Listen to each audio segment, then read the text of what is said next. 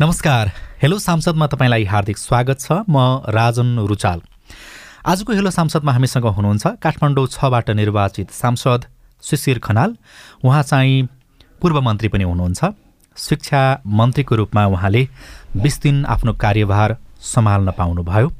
राष्ट्रिय स्वतन्त्र पार्टीबाट निर्वाचित सांसद हुनुहुन्छ। यहाँलाई स्वागत छ सिआइएनमा धन्यवाद राजन नमस्ते। तपाईँको चिनारीको क्रममा मैले अलिकति प्रसङ्ग जोडेँ कि तपाईँ बिस दिनको शिक्षा मन्त्री। यो बिस दिनको शिक्षा मन्त्री हुँदाखेरि चाहिँ कस्तो खालको अनुभव गर्नुभयो तपाईँले? धेरै जसो समय यो बिस दिनमा एकदमै बढी चाहिँ जनसम्पर्क शिक्षा मन्त्रालय आफै पनि जनसम्पर्क बढी भएको मन्त्रालय भएको भएर धेरै व्यक्तिहरू बधाई अथवा शुभकामना का साथसाथै शिक्षासँग सम्बन्धित इस्युजहरूको बारे ज्ञापन पत्र अथवा कुनै मागसँग सम्बन्धित कुराहरूमा नै बढी समय बित्यो। तपाईँले बिस दिनमा नेपालको शिक्षा प्रणालीमा देखेको सबैभन्दा जटिल समस्या त्यो चाहिँ के देख्नुभयो? अब जटिल म लामो समयदेखि शिक्षामै काम गरिरहेको भएर आजको दिनमा सबभन्दा सुल्झाउनै पर्ने चाहिँ नेपाल सङ्घीयतामा गइसकेपछि सङ्घीय शिक्षा ऐन आएको छैन। त्यसले नै निकै जटिलताहरू थपेको छ। शिक्षा ऐन पछिल्लो पाँच छ वर्षमा पटक पटक चर्चामा रह्यो तर कहिले पनि त्यसले पार्लियामेन्टसम्म सरकारले दर्ता गर्न सकेको छैन। अघिल्लो कार्यकालमा चाहिँ क्याबिनेटसम्म पुगेको रहेछ एउटा ऐनको ड्राफ्ट। तर फेरि निर्वाचन भएपछि ती सबै कुराहरू फेरि जिरो जस्तोमा फर्किन्छ होइन? त्यसले गर्दाखेरि त्यो मन्त्रालयमा फेरि फर्केको अवस्था हो। त्यो चाहिँ किन हुँदो रहेछ पटक पटक त्यस्तो? यसमा चाहिँ विभिन्न खाले अब शिक्षामा विभिन्न खाले अब इन्ट्रेस्ट ग्रुप भनौँ न त्यसको चासो स्वाभाविक रूपमा अत्यन्त बढी छ। तपाईँले इन्ट्रेस्ट ग्रुप भन्नुभयो हामीले बिचौलिया भन्दा मिल्छ यो शब्द प्रयोग गर्दा? बिचौलिया अलिकति कहिले नेगेटिभ कनोटेसनमा जान्छ जस्तो लाग्छ मलाई। बिचौलिया चाहिँ इन्ट्रेस्ट ग्रुप भनेको जस्तै स्वार्थ समूह पनि हल्का नेगेटिभ हो। विश्वविद्यालयको हकमा प्राध्यापक कर्मचारीहरू विद्यार्थीहरू त्यो सबैको केही न केही स्वार्थ हुन्छ नि त। इन्ट्रेस्ट हुन्छ स्वार्थ भनेको त्यसलाई त्यो अलिकति नेगेटिभ सुन्दा त्यो इन्ट्रेस्ट चाहिँ आफ्नो इन्ट्रेस्ट अनुसार होस् भन्ने स्वाभाविक रूपमा चाहना हुन्छ। अनि त्यसको द्वन्द्वमा चाहिँ फँसेको जस्तो लाग्छ मलाई। जस्तो यसमा चाहिँ मन्त्रीको कुराले गर्दा अमुक राजनैतिक दलको कुराले गर्दाखेरि अथवा विद्यार्थी सङ्घ सङ्गठनको कुराले गर्दाखेरि अभिभावकको कुराले कसको कुराले गर्दाखेरि चाहिँ शिक्षा ऐन रोकिँदो रहेछ त बारम्बार? अब मैले एकदमै छोटो समय भयो बिस दिनमा म त्यो लेभलमा मैले स्वाभाविक रूपमा काम चाहिँ गर्न पाइनँ म स्पष्ट भन्नुपर्छ। तर मैले मेरो बुझाइ चाहिँ के हो भने यो विभिन्न खाले समूह बिचको सबैको आफ्नै माग छ डिमान्डहरू छन्। कतिपय मागहरू एकैचोटि सम्बोधन गर्न नसकिने खाले मागहरू पनि देखिन्छ। त्यो सबैको बिचको द्वन्द्वमा चाहिँ फँसेको भन्न सक्छु म आजको दिनमा चाहिँ। बाहिर बसेर मान्छेहरूले हेर्दाखेरि नेपालको शिक्षा क्षेत्रलाई के भन्छन् भन्दा ध्वस्तै छ राम्रो छैन। एकदम चाहिँ पछिल्लो समय त झन् झन् यसको अवस्था विकराल बन्दै गएको छ भनेर त्यस्तो खालको शब्दहरू प्रयोग गरिन्छ। तपाईँ मन्त्रीको रूपमा त्यहाँ बस्दै गर्दाखेरि चाहिँ त्यो बाहिर भने जस्तै ध्वस्तै पाउनुभयो शिक्षा प्रणालीकै केही न केही आशा गर्ने ठाउँहरू पनि छन्? म लामो समयदेखि शिक्षामै काम गरेको भएर नेपालको शिक्षा क्राइसिसमा छ चाहिँ म पनि भन्छु होइन? सङ्कटमा छ। सङ्कटमा अत्यन्त ठुलो सङ्कटमा छ।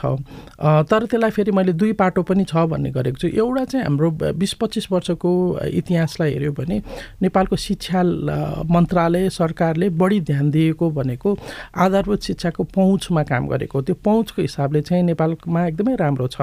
झन्डै पाँच वर्ष उमेर समूहका सन्तानब्बे प्रतिशत भाइ बहिनीहरू विद्यालयमा पुग्नु भएको चाहिँ इनरोल्ड देखिनुहुन्छ।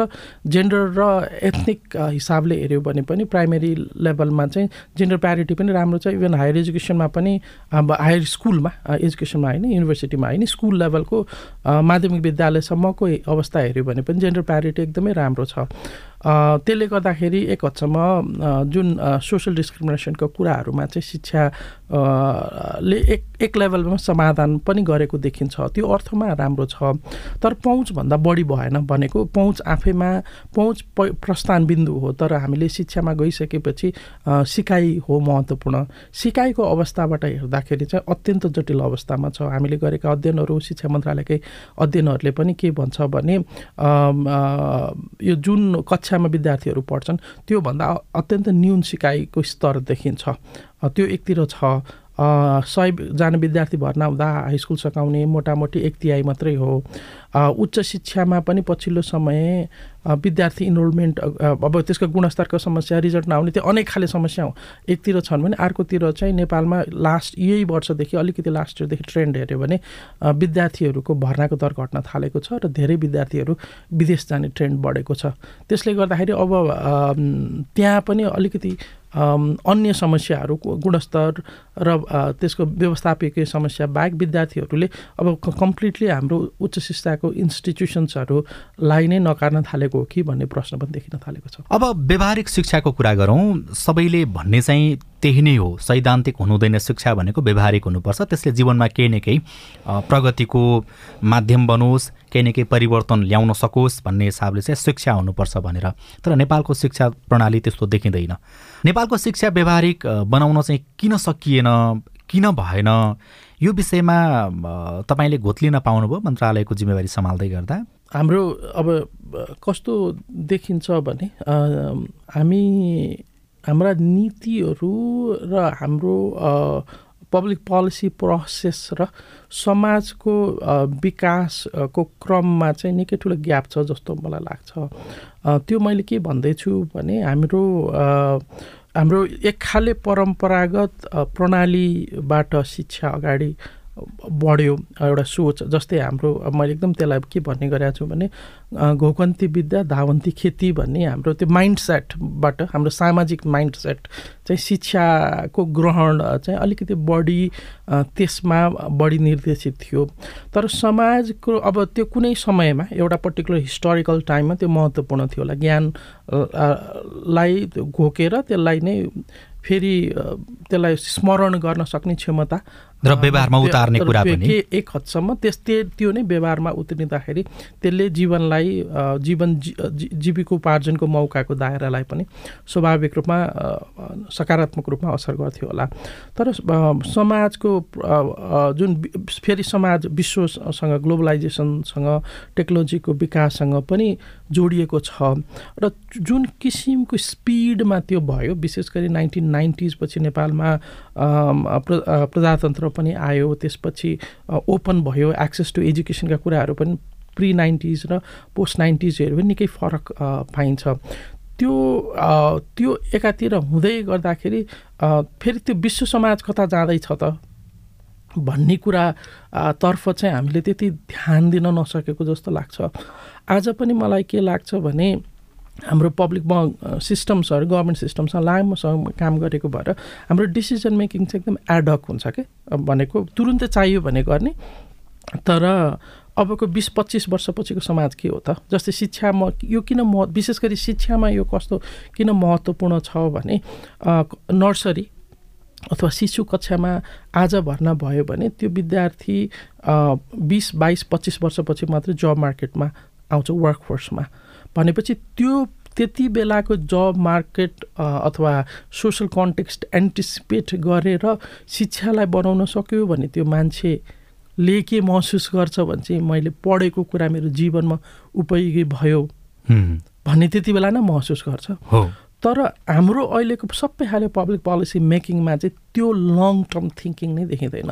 त्यसले गर्दाखेरि हामी परेपछि तुरुन्त समस्या समाधान गर्ने कुराहरूमा मात्रै हामी डिसिजन्सहरू गर्छौँ क्या। अहिलेकै शिक्षा प्रणाली र अहिलेकै गुणस्तरीयतालाई हेर्ने हो भने नेपालका सरकारी विद्यालयहरूले चाहिँ नेपालको जनशक्ति उत्पादनको स्तर जुन देखिन्छ त्यसलाई थाम्न सक्ने थेग्न सक्ने अथवा नेपालको सरकारी विद्यालयहरूलाई अलिअलि सुधार्दाखेरि सुध्रिन्छन् ठिकै छन् भन्ने स्थिति देखिन्छ कि देखिँदैन? अहिलेको सरकारी विद्यालयहरू को गुणस्तर त अत्यन्तै दयनीय अवस्थामै छ औसतमा हेऱ्यो भने। हाम्रै रिसर्चहरूले पनि कक्षा आठमा पढ्ने विद्यार्थीहरूले को पचास प्रतिशतले पनि कक्षा तिन लेभलको ज्ञान नपाएका हामीले पाइराखेका छौँ। त्यसले गर्दाखेरि अहिलेको स्थिति त मा त धेरै विद्यार्थीहरूको भविष्य नेपाली अथवा जब मार्केटको ग्लोबल कन्टेक्सबाट हेर्दाखेरि उहाँहरूले प्राप्त गरेको ज्ञान र सिपले उहाँहरूको जीवनलाई तात्विक असर पार्दैन। तर त्यो भन्दै गर्दाखेरि के छ भने फेरि नेपालमा फेरि निजी विद्यालयहरू पनि छन्। हामीले अहिले अलिकति बेन्चमार्क निजी विद्यालयको गुणस्तरलाई पनि मान्छौँ। र एक हदसम्म के देखिएको छ भने राम्रो भनेका सरकारी विद्यालयहरू छन्। मोटामोटी दस प्रतिशत जति छन् जस्तो लाग्छ नेपालभरिकै विद्यालयहरूको गणना गऱ्यो भने। उनीहरू चाहिँ मध्यम स्तरीय निजी विद्यालयसँग प्रतिस्पर्धा गर्न सक्छन् भन्ने चाहिँ देखिन्छ। हो। ठ्याक्कै यहीँनिर आयो। तपाईँले लामो समय शिक्षामै काम गर्नुभयो र केही दिन शिक्षा मन्त्रीको जिम्मेवारी पनि सम्हाल्नुभयो। नेपालको शिक्षा क्षेत्रलाई राम्रो बनाउनको लागि सबल बनाउनको लागि नेपालको शिक्षा सक्षम हुनको लागि गुणस्तरीय हुनको लागि र तपाईँले भने जस्तै कक्षा आठमा पढ्ने विद्यार्थीले कक्षा आठकै विद्यार्थीलाई पनि पढाउन सक्ने खालको चाहिँ क्षमता विकास गर्नको लागि। निजी विद्यालयलाई प्रोत्साहन गर्नुपर्छ या सरकारी विद्यालयलाई राम्रो बनाउनुपर्छ? हाम्रो जस्तो परिवेशमा स्वाभाविक रूपमा म आफै पनि सरकारी विद्यालयलाई बलियो बनाउनु पर्छ भन्ने पक्षको मान्छे हो। स्वाभाविक रूपमा राज्यले एउटा बाटो लिइसकेपछि निजी विद्यालयको पनि भूमिका छ भन्ने कुरा देखिन्छ। त्यो भन्दै गर्दाखेरि जुन किसिमको यदि यथास्थितिमा छोडियो भने नेपालमा दुई खाले वर्गले फरक फरक खाले शिक्षा पाइराखेको र त्यसले फेरि दीर्घकालीन रूपमा ज जति बेला समाज विभाजनमा जान्छ वर्गीय विभेदमा जान्छ त्यसले द्वन्द्व निम्त्याउँछ नै। त्यो अर्थमा चाहिँ सरकारी विद्यालयहरू बलियो हुनु बाहेकको अर्को विकल्प छ जस्तो मलाई लाग्दैन। हो अहिले सरकारी विद्यालयहरू बलियो नहुनुमा कतै कतै सरकारकै कमजोरी बढी देखिन्छ या त त्यस्ता अभिभावक जो सरकारी विद्यालयलाई विश्वास गर्दैनन् उनीहरूको कमजोरी देखिन्छ उनीहरूको कारण यस्तो अवस्था आएको हो अथवा चाहिँ निजी विद्यालयको प्रभुत्व बढ्दै जाँदाखेरि सरकारी विद्यालयको अवस्था चाहिँ खस्किँदै गयो। वा हाम्रा शिक्षकहरू नै त्यो गुणस्तर छैनन् शिक्षकहरूको क्षमतामा नै प्रश्न चिन्ह खडा हुन्छ। यसमा मलाई अभिभावक अथवा अन्य निजी विद्यालयहरू चाहिँ एक्सटर्नल फ्याक्टर हो। उहाँहरूको कमजोरी अथवा उसले असर गर्छ जस्तो मलाई लाग्दैन। यसमा सरकारी विद्यालय भएको भएर सामुदायिक विद्यालय भएको भएर सामुदायिक विद्यालयकै स्टेक होल्डर्सहरू डिरेक्टली नै रिस्पोन्सिबल त्यसको अकाउन्टेबिलिटीको जिम्मा चाहिँ सामुदायिक विद्यालयसँग सम्बन्धित शिक्षक प्रधान अध्यापक र त्यहाँ त्यसको शिक्षाका संयन्त्रहरू आजको दिनमा स्थानीय सरकार प्रदेश सरकार र शिक्षा मन्त्रालय अथवा सङ्घीय सरकारको नै दायित्व हो जस्तो लाग्छ। त्यो अर्थमा चाहिँ मलाई के हो भने महत्त्वपूर्ण कुरा शिक्ष सरकारी विद्यालयहरू नै राम्रो किन छन् भनेर हामीले हेऱ्यौँ भने र निजी विद्यालय र सरकारी विद्यालयको एउटा मेजर डिफ्रेन्स चाहिँ के हो भने व्यवस्थापकीय पक्ष हो। सरकारी विद्यालयमा जहाँ राम्रो प्रिन्सिपल भनिएको छ त्यहाँ नै विद्यालयहरू राम्रो भएको देखिन्छ कि? भनेको नेतृत्व राम्रो भयो भने विद्यालय राम्रो हुन्छ भन्ने एकदमै धेरै एभिडेन्स छ हामीसँग। तर सही नेतृत्व के हो? कस्तो खाले मान्छेले विद्यालयको नेतृत्व गर्नुपर्छ? र उसलाई कस्तो किसिमको जिम्मेवारी दिनुपर्छ? उसले अकाउन्टेबिलिटी स्ट्रक्चर के हो भन्ने कुरामा चाहिँ हामीले काम गरेका छैनौँ। त्यसले गर्दाखेरि एउटा महत्त्वपूर्ण कुरा सरकारी विद्यालय कसरी सुधार्ने भनेर हामीले सोच्यौँ भने एकाउन्टेबिलिटी स्ट्रक्चर जवाफदेहिताको स्ट्रक्चर बलियो बनाउनुपर्छ। व्यवस्थापकीय पक्ष राम्रो हुने बित्तिकै एक हदसम्म विद्यालय सुध्रिन्छ भन्ने हाम्रो आफ्नै अनुभव पनि छ तर देशैभरिका सरकारी विद्यालयहरूको अनुभवले पनि त्यही भन्छ। अनि अर्को चाहिँ शिक्षकको गुणस्तर। शिक्षकहरू को गुणस्तर एउटा चाहिँ राम्रै शिक्षकहरूलाई पनि एकाउन्टेबिलिटी र म्यानेजमेन्ट स्ट्रक्चर विक हुँदाखेरि राम्रै शिक्षकहरूले पनि आउटपुट दिन सक्नु भएको छैन। अर्को चाहिँ शिक्षक राम्रा पढाउन सक्ने क्षमता भएका व्यक्तिहरूलाई हाम्रो शिक्षा को स्ट्रक्चरले अट्र्याक्ट पनि गर्न सक्दैन। तपाईँले एउटा पूर्व मन्त्री भएको हिसाबले निवर्तमान मन्त्री शिक्षा मन्त्री भएको हिसाबले चाहिँ नेपालमा भएका सामुदायिक विद्यालयका शिक्षकहरूको गुणस्तर चाहिँ राम्रो छैन भनेर प्रश्न गरिरहनु भएको छ? हजुर एकदमै। त्यो चाहिँ मान्छे उही हो शिक्षक पनि उही हो लगानी त्यहाँ सामुदायिक विद्यालयमा झन् बढी छ निजी विद्यालयको भन्दा शिक्षकहरूमा होइन उनीहरूको वृद्धि विकासको लागि भनेर। किन चाहिँ उनीहरूको गुणस्तर कमजोर भइराखेको? यसलाई अब फेरि यो यस्ता यस्ता कुराहरू यो बाइट्समा जाने कुराहरू कहिले कहिले विवादित बन्न जान्छ होइन मिडियामा। अब औसतमा बोलिराखेको छु होइन त्यसको अर्थ सामुदायिक विद्यालयका हरेक शिक्षकको गुणस्तरको प्रश्न त मैले स्वाभाविक रूपमा उठाएको होइन। जस्तो म एउटा प्रश्न गर्छु। निजी विद्यालयको कुरा गर्दाखेरि त शिक्षक सेवा आयोग पनि त्यहाँ हुँदैन। शिक्षक छनौटको कुरा गर्दाखेरि शिक्षक सेवा आयोग मार्फत आउने शिक्षकहरूको योग्यता क्षमतामा हामी प्रश्न गरिराखेका छौँ। यो अहिलेमा दुई तिनवटा कुरा हेर्नुपर्छ कि। एउटा चाहिँ शिक्षा रिसेन्टली नै हेऱ्यो भने पनि यसलाई जस्तै शिक्षा सेवा आयोगले विभिन्न प्राविदेखि मावि विद्यालयमा पदस्थापन गर्न खोजेका पदहरूमा पनि इनफ टिचर्स भेटिया छैन। हो। होइन? जति जति टिचर को कोटा छ त्यति नै पनि मानिसहरूले अहिले जाँच पास गर्न नसकेको एउटा अवस्थाबाट पनि हामीले शिक्षक अब फेरि शिक्ष अब त्योसम्म कसरी आइपुग्छ त मान्छे भनेर हामीले अलिकति ब्याकवर्ड हेऱ्यौँ भने हाम्रो सामान्यतया प्रणाली के हो भने शिक्षक बन्नलाई एजुकेसन पढेको हुनुपर्छ। र टिचिङ लाइसेन्स पास गरेको व्यक्ति मात्रै शिक्षा सेवा आएको जाँच दिन उपयुक्त हुन्छ। अब नेपाली परिवेशमा हेऱ्यो भने यसलाई एकदमै शिक्षा एड कसले पढ्छ त? शिक्षा विषय कसले लिएर कसले लिएर पढिरहेको छ भन्दाखेरि अन्य विषयमा सामान्यतया भर्नै नहुन सक्ने भनेको जुन किसिमको विश्वविद्यालयहरूले बनाएका क्राइटेरियाहरू छन् भर्नै नपाउने नसक्ने विद्यार्थीहरूलाई चाहिँ एड खोलिएको छ। शिक्षा शास्त्र सङ्कायमा जान्छन्। भनेपछि ऊ आफै त्यो व्यक्ति जति बेला ऊ शिक्षा सङ्कायमा जान्छ एड पढ्न जान्छ ऊ ऊ अन् अन्य विषयमा सामान्यतया प्रवेश पाउन नसक्ने मान्छेको समूह त्यहाँ धेरै हुन्छ। तपाईँले एकदम ठिक ठाउँमा चाहिँ कुरा ल्याउनु भयो। तपाईँ मन्त्रीको रूपमा रहँदाखेरि नीतिगत हिसाबले यसलाई परिवर्तन गर्नलाई सोच्नुभयो कि सोच्नु भएन यही विषय त म दस वर्षदेखि काम दस बाह्र वर्षदेखि काम गरेको विषय थियो होइन। तर अब यो कुराहरू यस्ता यी यस्ता दीर्घकालीन इस्युजहरू चाहिँ कसले समाधान गर्न सक्थ्यो भने शिक्षा ऐनले मात्रै गर्न सक्थ्यो कि? त्यही अनि तर त्यसको लागि चाहिँ के यति बिस दिन पर्याप्त थिएन। किनकि शिक्षक पेसा भनेको त गुरु यसै पनि होइन। त्यसलाई संस्कृतमा भन्दाखेरि अँध्यारोबाट उज्यालोतिर लिएर जाने व्यक्ति। होइन त्यो सम्मानित विषय पनि हो। तर शिक्षक भन्ने बित्तिकै हाम्रो समाजले सबैभन्दा हेयको दृष्टिकोणले हेर्छ आजभोलि त्यो कुरालाई त परिवर्तन गर्नु पर्थ्यो नि त। गर्नु पर्थ्यो। त्यो कुरा मैले यता सामाजिक अभियानहरू मार्फत नै त्यही गर्न खोजिराखेका थिएँ। र त्यसले एउटा राम्रो आउटपुट दिएको भएर त्यो खाले कामहरू गर्न सकिन्छ भन्ने मलाई चाहिँ विश्वास थियो नै। तर यी कुराहरू फेरि हाम्रो शिक्षा ऐनसँग जोडिएको भएर एउटा मन्त्रीको एउटा निर्णयले मात्रै चाहिँ समस्या समाधान हुन सक्ने विषय चाहिँ होइन। मन्त्रीको रूपमा गर्न सक्नु भएन यद्यपि तपाईँ सांसदको रूपमा हुनुहुन्छ संसदमा तपाईँको भूमिका प्रभावकारी हुन्छ नै त्यसमा शङ्का छैन। तपाईँले त्यहाँ पनि पक्कै यी विषयलाई उठाउनुहुनेछ। एकदमै। निर्वाचनमा जाँदै गर्दा पनि शिक्षा पनि राजनैतिक बहसको मुद्दा हुनुपर्छ भनेर निर्वाचनमा गएको भएर स्वाभाविक रूपमा संसदमा त यी कुराहरूलाई म निरन्तर उठाइ नै राख्छु। अब संसदको कुरा गर्दा संसदभित्र राष्ट्रिय स्वतन्त्र पार्टी रासोपा पहिलोपटक प्रवेश गर्दै थियो। होइन तपाईँहरू नयाँ सांसद अनुभव नभएको सांसद अहिले त अनुभव हासिल गर्दै हुनुहुन्छ। संसदभित्र हेर्ने दृष्टिकोण पनि अलिकति फरक हुँदो रहेछ नयाँ सांसदलाई। सबैजना क्युरियस हुनुहुन्थ्यो जस्तो लाग्छ। हामी सुरु सुरुमा संसदमा प्रवेश गर्दै गर्दाखेरि अत्यन्त नयाँ ढङ्गले छोटो राजनैतिक अनुभवबाट संसदमा त्यो पनि धेरैजना राजनीतिक पृष्ठभूमिबाट हुनुहुँदैन हुनुहुँदैन थियो।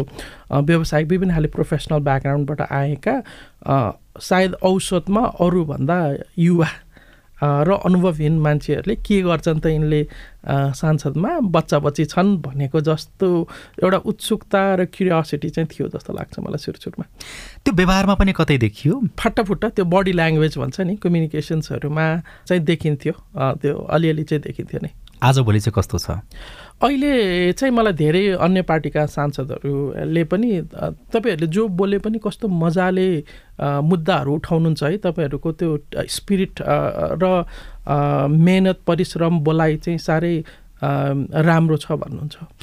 हो संसदमा वर्षौँदेखि सांसद बनेर बसेका आफ्नो अनुभव छ भनेर भनिएका सांसदहरू लामो समयदेखि संसदमा रहे बसेका सांसदहरूले चाहिँ के के कुराहरू सुधार्न पर्ने रहेछ? उहाँहरूको कमजोरी चाहिँ के के रहेछ? त्यो थाहा पाउनुभयो कि थाहा पाउनु भएन तपाईँहरूले?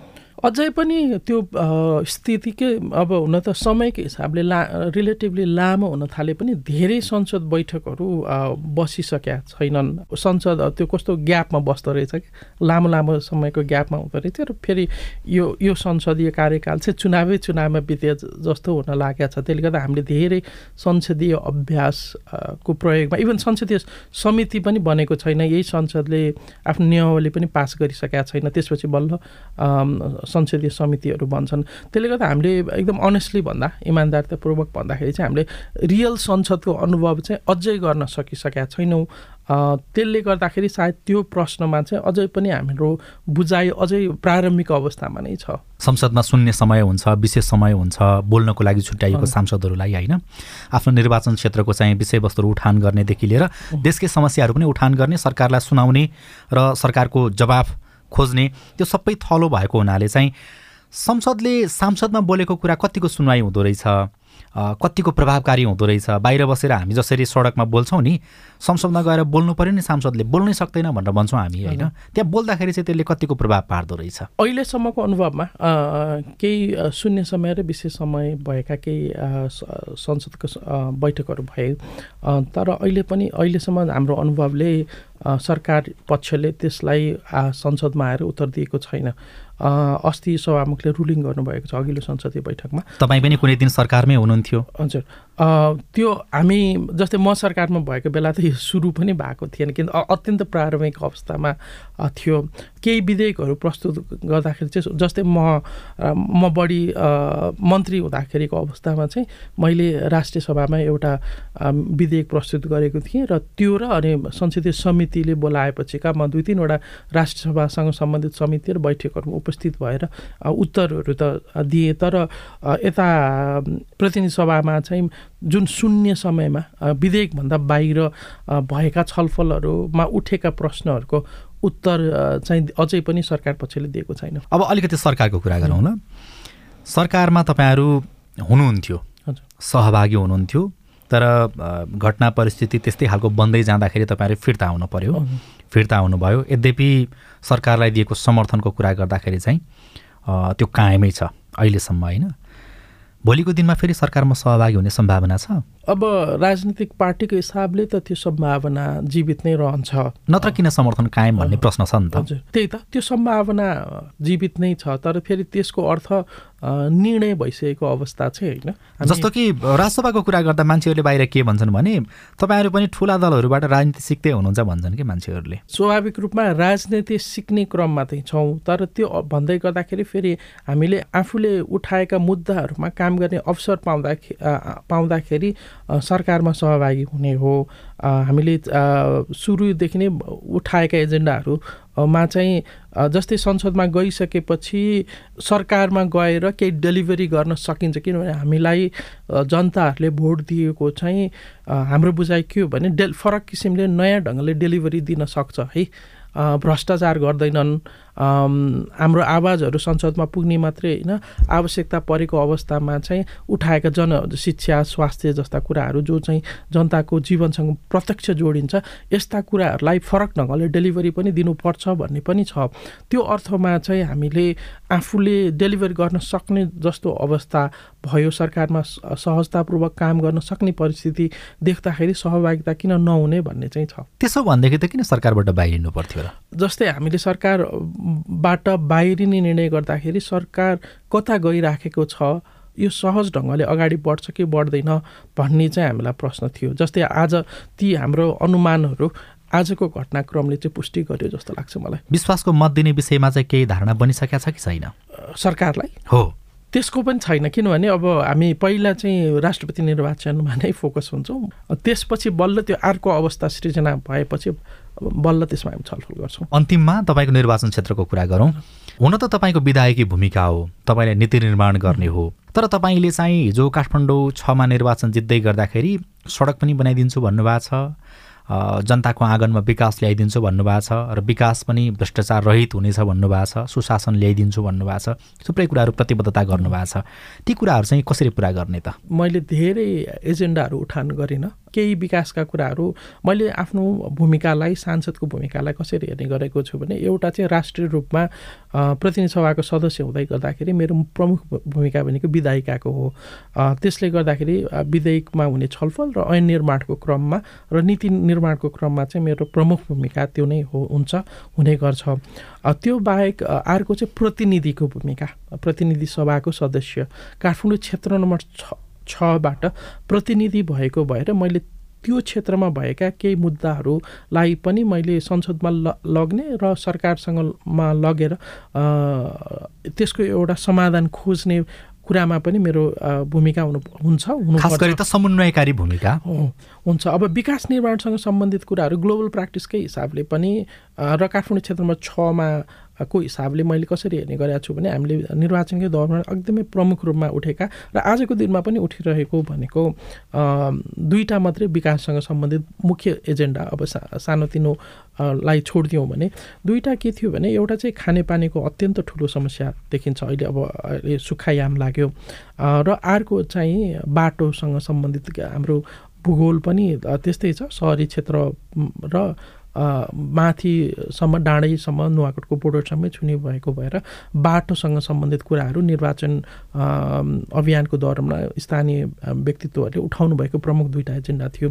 त्यसमा चाहिँ अब हामीले गर्ने एउटा सांसदले गर्न सक्ने के हो भने मन्त्रालयहरूसँगको सहकार्य लाई ती आवश्यकताहरू यस्तो छ भनेर त्यसमा जुन रिसोर्स एलोकेसन बजेट निर्माणको कुराहरूमा चाहिँ भूमिका खेल्न सकिन्छ।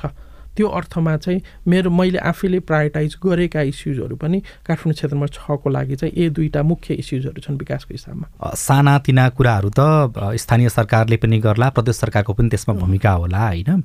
तपाईँले भनेकै जस्तो खानेपानी र सडक यो दुईवटा विषय चाहिँ समाधानको लागि नयाँ पार्टी एक अर्को कुरा चाहिँ सरकारमा अहिले हुनुहुन्न होइन? भोलिको दिनमा हुनुहुन्छ हुनुहुन्न थाहा छैन। सरकारमा नहुँदाखेरि त काम गर्न अप्ठ्यारो होला नि त। नपत्याउलान् कर्मचारीले अथवा मन्त्रीले नसुन्लान् तपाईँहरूको कुरा। मैले अहिलेसम्मको जे अनुभव गरेको छु त्यसमा चाहिँ कर्मचारी जो विभिन्न तहमा एकदमै जुनियर लेभलदेखि अत्यन्त सिनियर भनेको सचिव लेभलका कर्मचारीहरूको रेस्पोन्स चाहिँ मैले एकदमै पोजिटिभ पाएको छु। एउटा जायज कुरा तर्कसङ्गत ढङ्गले लग्दाखेरि त्यसको सुनवाई भएको चाहिँ अहिलेसम्म मैले महसुस गरेको छु। तपाईँलाई तपाईँको कार्यकालको उत्तरार्धमा यसै गरी बोलाएर कुराकानी गर्दाखेरि सडकको समस्या समाधान र खानेपानीको समस्या पनि समाधान भयो। मैले धेरै हदसम्म यो काम चाहिँ गरेँ भनेर भन्ने स्थिति बन्छ त? म त अत्यन्त विश्वस्त छु। मैले अब सबै कुराहरूको समाधान गर्छु भन्ने मैले कमिटमेन्टै गरेको छैन होइन। तर त्यसको बाटोमा जाने प्रारम्भिक पाइलाहरू चाहिँ अलरेडी यो छोटो समयमा पनि हामीले चालिराखेका छौँ। त्यो अर्थमा चाहिँ केही केही वर्षहरूपछि अन्त्यतिर आयो चार पाँच वर्षमा पाँच वर्ष कार्यकालमा भनौँ न पाँचौँ वर्षमा यहाँ आइयो भने स्वाभाविक रूपमा यी कुराहरू चाहिँ मैले गरेँ है भनेर ढुक्कसँग भन्न सक्छु जस्तो लाग्छ। मेरो अन्तिम प्रश्न तपाईँलाई पाँच वर्ष पछाडि पनि हामीले रासोपाको यही जिउँदो जाग्दो शक्तिशाली एउटा नवोदय भएको पार्टीको सांसदको रूपमा पाउने सम्भावना चाहिँ कति? अत्यन्त ज्यादा नै छ। किनभने त्यो बाहेक हामी अरू कुरा केही सोचेकै छैनौँ यति बेला। हस् समय सम्वादको लागि यहाँलाई धेरै धेरै धन्यवाद छ। धन्यवाद यो सँगै आजको लागि हेलो सांसद सकिएको छ। प्राविधिक साथी सुभाष पन्तसँगै म राजन रुचाल पनि बिदा हुन्छु। हवस् त नमस्ते।